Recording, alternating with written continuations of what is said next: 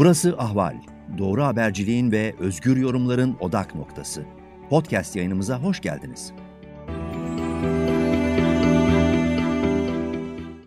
Merhaba Ahval dinleyicileri, sıcak takipteyiz. Ben Dicle Baştuğ. Sanatçı Sezen Aksu'nun hedef alınmasını konuşacağız bugün. Beş yıl önce çıkan bir şarkısında geçen Adem'le Havva sözleri nedeniyle tehdit edilen Sezen Aksu, geçtiğimiz günlerde MHP Genel Başkanı Devlet Bahçeli'nin hedefindeydi.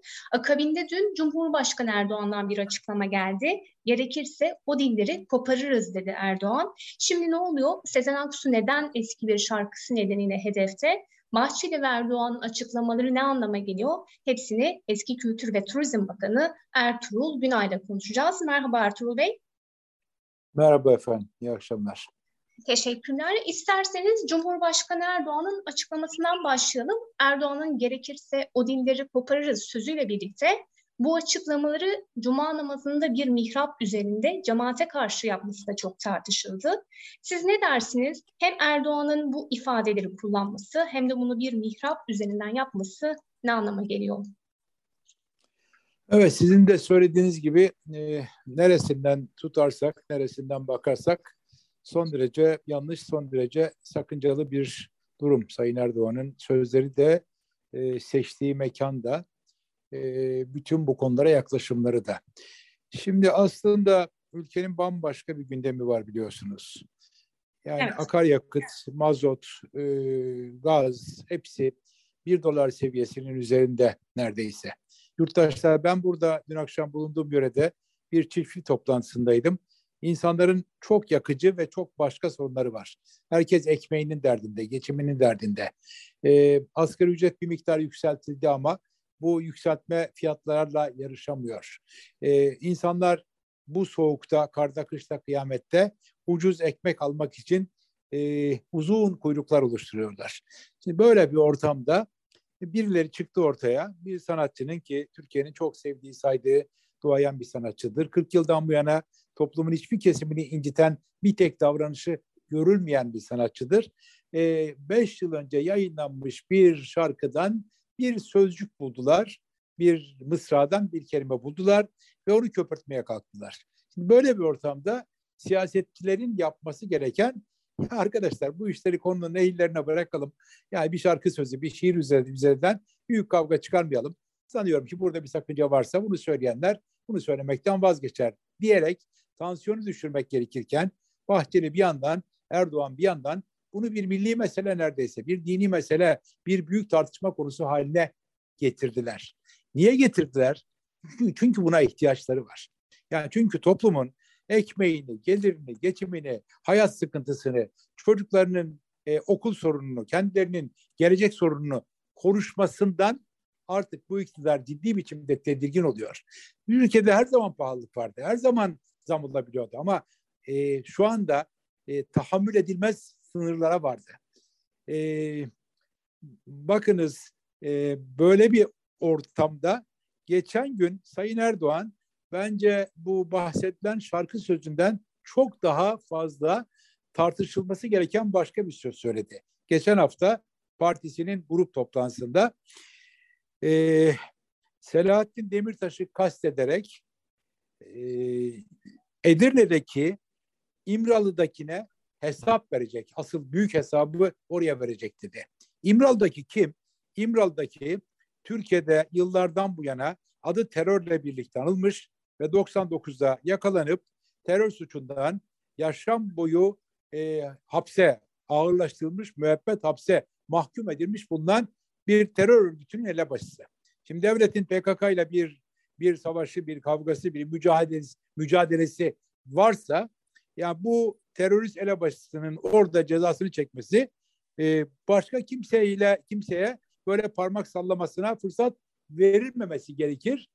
Sayın Erdoğan son derece tartışmalı, son derece e, bir takım derin ilişkileri sanki ifşa eder gibi ya da ağzından kaçırmış gibi böyle vahim bir cümle söyledi. Şimdi bu cümle bu bugünlerde konuşulmuyor bakın. Bu fevkalade yani bir terör hükümlüsünün bir siyasi parti genel başkanı, iki kez cumhurbaşkanı adayı olmuş ve yüzde ona yakın oy almış bulunan bir siyasi genel başkanına hesap soracağına ilişkin bu söz gündemden kaydırıldı. Nasıl kaydırıldı? İşte başka bir milletvekilinin çektirdiği fotoğraf, işte bir şarkıcının efendim söylediği bir e, şarkıdaki bir tek sözcük, işte bugün bir e, e, televizyon tartışmasının belki ölçüyü açan, aşan bilmiyorum ayrıntısını çok fazla bir sözü bütün bunlar köpürtüldü ve gündem kaydırılmaya çalışılıyor. Şimdi gündem kaydırmak konusunda iktidar doğrusu çok başarılı. Yani hatırlayınız 2012, 13, 14'ten bu tarafa neler Türkiye'nin gündemine getirildi ve bunların çoğunun gerçek olmadığını biz zaman içinde yaşayarak gördük. Şimdi de böyle bir şey yapılıyor. E burada tabii muhalefete de dönüp bir şey söylemek gerekiyor galiba. Yani Sayın Erdoğan geçen grup toplantısında bu vahim sözü yani bir milletvekilini bir terör terör mahkumu daha doğrusu bir eski milletvekili ve bir eski siyasi parti genel başkanını bir terör mahkumu üzerinden e, e, korkutmaya kalktığında bence muhalefetin kıyamet kopartması, e, bunu protesto etmesi, bunun e, açıklanmasını istemesi, bundan ötürü özür dilenmesini istemesi, bunu gündemden hiç düşürmemesi gerekirdi. Ama bir iki küçük açıklamayla, tweetle ya da ayaküstü yapılan açıklamayla konu geçti. Fakat halk bunu konuşuyor. Halk bunu siyaset açısından bunu konuşuyor. Ekonomi açısından zaten gündemi çok yakıcı. Halk bunları konuştuğu için derhal e, e, bu dindar hassasiyeti, din hassasiyeti olan çevrelerin e, iyice konuyu irdelemeden duydukları için yanlış anlayabilecekleri ve kulak kabartabilecekleri başka bir konu gündeme getirildi ve onun üzerinden gidiyor. Hı hı. Bu bir, bu bir tam bir gündem saptırmadır. Yani bunun ciddiyeti yok. Sayın Aksu'ya yönelilen, yöneltilen bu suçlamaların katiyen bir ciddiyeti yok. Yani ne dini açıdan ciddiyeti var, ne siyasi açıdan ciddiyeti var, ne herhangi bir açıdan ciddiyeti var. Fakat fakat konu bu kadar büyütüldüğü için, gündem saptırıldığı için toplumsal, yeni bir toplumsal yarılma ortaya çıkarılmaya çalışılıyor ve gündem saptırılıyor. Hı hı. Peki, Tabii peki. bunun için bir cümle daha. Tabii bunun için ayrıca e, Cumhurbaşkanı da olsa bir siyasi parti genel başkanının, bir siyasetçinin cami mekan seçmesi, cami mekan evet. seçmesi ve bu siyasi ithamlarını e, camiden söylemesi, oradaki kitlenin duyarlılıklarını tahrik etmeye kalkması da ayrıca bağışlanmaz. Ayrıca cami, cami, okul, kışla Cumhuriyet'in geleneğidir. Biz bunları siyasetin, günlük siyasetin, bu tür milleti ayıracak olan tartışmaların hep dışında tutmayı temel bir ilke, devlet yönetiminin vazgeçilmez temel bir ilkesi yapmışız, saymışız. Bunu ihlal edenlere karşı her zaman toplumsal, hukuksal bir takım tepkiler göstermişiz. Yani Cumhurbaşkanı da olsa bu kuralı kimsenin çiğnemeye hakkı yoktur. Camide böyle bir konuşma yapılamaz. Camide siyasi bir konuşma kesinlikle yapılamaz. Bu konuda AKP'nin Talibanlaştığı yönünde yapılan yorumlar da oldu. Siz ne dersiniz? Yani e, bakın e, AK Parti'nin genel kitlesini rahatsız edecek olan bir şey söylemekten özellikle sakınmak isterim. Çünkü Adalet ve Kalkınma Partisi nereden baksanız e, Türkiye'de 20 yıldır 20 milyon civarında oy alan bir parti. E, bir koalisyon aslında. İçinde farklı kanatlardan çok sayıda insan var. Farklı nedenlerle oraya oy veren çok insan var. Sanıyorum ki orada marjinal bir çekirdeğin dışında çok geniş bir Adalet ve Kalkınma Partisi üyesi bu tutumdan, bu tavırdan, bu gerilmeden, bu siyasetin böylesine acımasızca gerdilmesinden bence rahatsızlık duyuyor. Yani e, Adalet ve Kalkınma Partisi'ni e, Taliban çizgisine ya da Hümeyni çizgisine e, çekmeye kalkışan yaklaşımlara sanıyorum ki parti içinden de çok ciddi bir e, soru işareti yükselmektedir. Çok Hı-hı. ciddi bir tepki vardır. Ama ne yazık ki öyle bir dönemdeyiz ki e, e, güçlülerin sesi haklıları bastırıyor. Şimdi bu konunun bir de Rütük boyutu var. Rütük televizyon kanallarını tek tek arayarak Sezen Aksu'nun şarkısının çalınmasına karşı bir yaptırım uyarısı da yaptı ve bunu milli ve manevi değerlerle açıkladı. Siz Rütük'ün bu anlamdaki uygulamasını nasıl değerlendiriyorsunuz ve bu anlamda Rütük nasıl bir kurum, kuruma dönüşmüş durumda sizce? Yani Rütük gibi, TÜİK gibi bir takım kurumlar son zamanlardaki tartışmaları hepimiz biliyoruz. Ee, tamamen iktidarın e, bir yan kolu, bir kuruluşu, bir aparatı haline geldi. Bu kurullar sözüm ona siyasetin dışında e, yayınların işte e, TÜİK bilgilerin objektif toplanmasını, RÜTÜK yayınların objektif yapılmasını, e, belli bir e, kültür düzeyini e, yükseltmek konusunda bir dikkati, bir özeni göstermek konusunda bir denetleme işleviyle, göreviyle yükümlendirilmiş kurumlardı. Bunlar buralardan saptırıldı. Şu anda siyasi iktidar ne isterse aşağı yukarı o doğrultuda davranmaya, o doğrultuda bir takım görüşler beyan etmeye, o doğrultuda bir takım işte kamuoyu yönlendirmeleri yapmaya çalışıyorlar. Bütün son zamanlarda yaptığı hangi davranışı doğru ki bu doğru olsun. Yani Rütük şu anda televizyon kanallarına bakın. Yani Türkiye toplumunun iki yıldan beri insanlar evlerine kapalı. Türkiye toplumunun kültür düzeyini yükselten, Türkiye toplumunun edebiyattan, sanattan, tarihten doğru bilgi sahibi olmasını sağlayan e, edebi tartışmalar, e, ne bileyim yani günlük siyasetin üstünde siyasi tartışmalar bile yapılsa belli bir seviyede tartışmalar olması konusunda hangi dikkati göstermiş? Kaldı ki böyle geçmişe doğru halk müziği, efendim e, klasik Türk müziği bu, bu alanlara doğru girerseniz bu konuştuğumuz şarkıdan çok daha vahim sözcüklerle, imalarla karşı karşıya kalırsınız ki bunun altında rütük batar. Bunlar çıkamaz ama bunlar yani ciddi alınacak işler değil. Ne yazık ki bakın e, şunu başarıyorlar.